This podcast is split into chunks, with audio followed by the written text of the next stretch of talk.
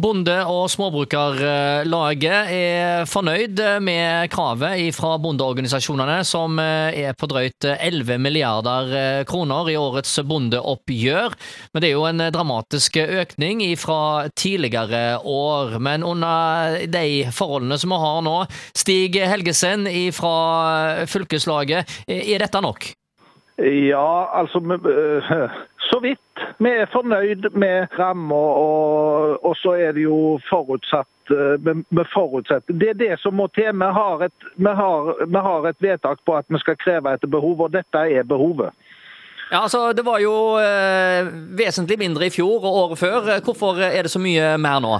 Nei, Det handler om eh, Det at det er blitt mye høyere i år, handler primært om to ting. Det ene er at eh, gapet til andre grupper har økt med 60 000 på ett år. Eh, I tillegg til det så har vi hatt en, en, en kostnadsvekst som er helt uh, sjuk. Altså, det er jo snakk om kunstgjødsel som har steget med uh, mye over 100 og, og diesel og alt mulig stiger. Sånn at folk har ikke råd til å betale innsatsfaktorene lenger. Altså, dette her er såpass dramatisk økning i, i kravet. Har du noe tro på at regjeringen vil gå med på dette? da? Det var vel dere ba om 2,1 milliarder eh, i fjor. Fikk eh, vel eh, ja, rundt halvparten. Året før så var det enda mindre. Altså, Kan du få så, en så stor økning, altså nærmest en tidobling i år? Ja, Nå er forutsetningene helt forandra, og det er ny regjering. Og vi har en Hurdalsplattform der de har sagt noe om inntekten i landbruket. Og, og, at vi skal ha en utjevning med andre grupper i samfunnet. Og Sett i lys av det, så, har, så tror jeg jeg har håp om at dette skal, skal la seg gjøre.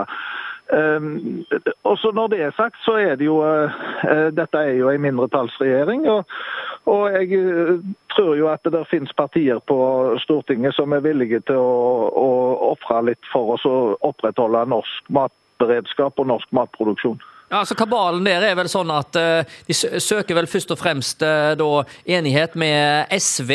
Uh, og det sitter veldig langt inne og får støtte fra noen andre partier. sånn er det jo.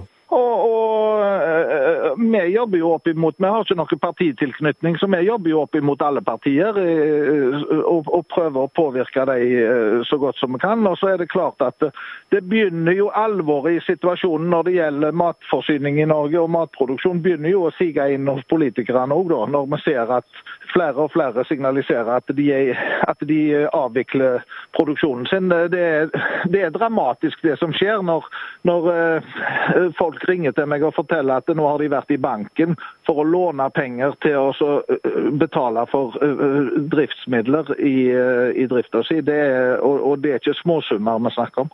Altså 40 bønder har varsla at de legger ned virksomheten sin med husdyrhold. De slakter nå ned dyrene sine. Nortura melder jo om en voldsom økning, og det er på en tid av året hvor en åpenbart ikke forventer dette. Ja, nei, Det er jo helt uh, irrasjonelt for en bonde å, å, levere dyr til slakt på denne tida når beitesesongen begynner. Men det sier noe om hvor dramatisk den situasjonen er for dem. Altså, De anser at de taper penger for hver dag som går. og så De får jo oppgjør for de dyra de leverer til slakt.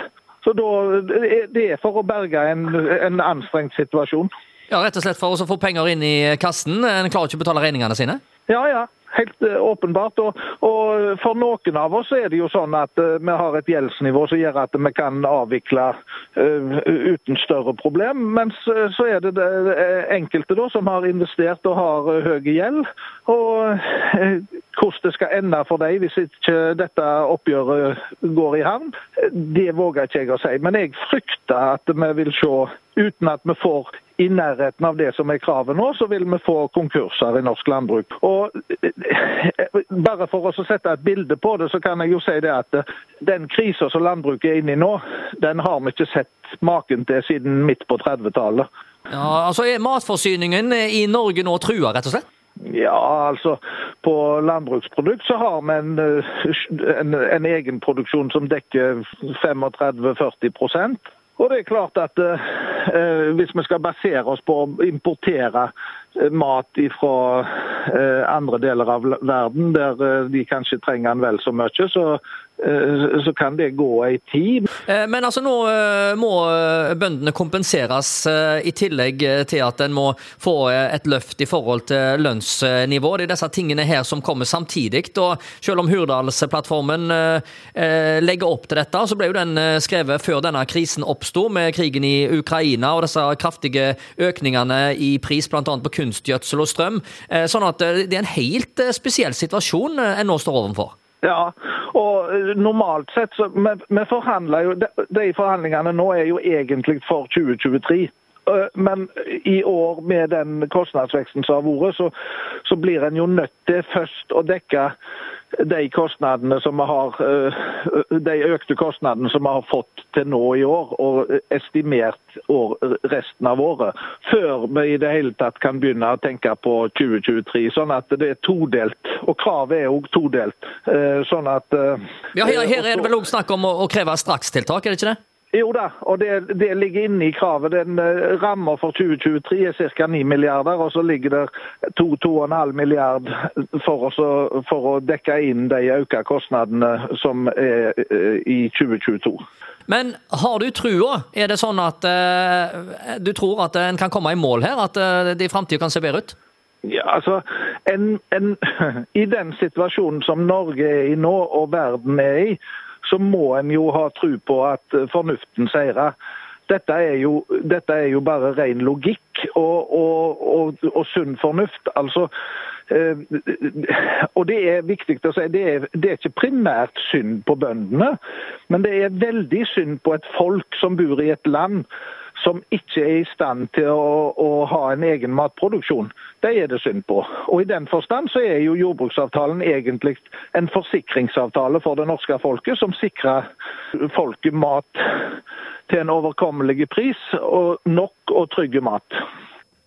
Ja, det sier altså Stig Helgesen i fylkeslaget for Bonde- og småbrukarlaget.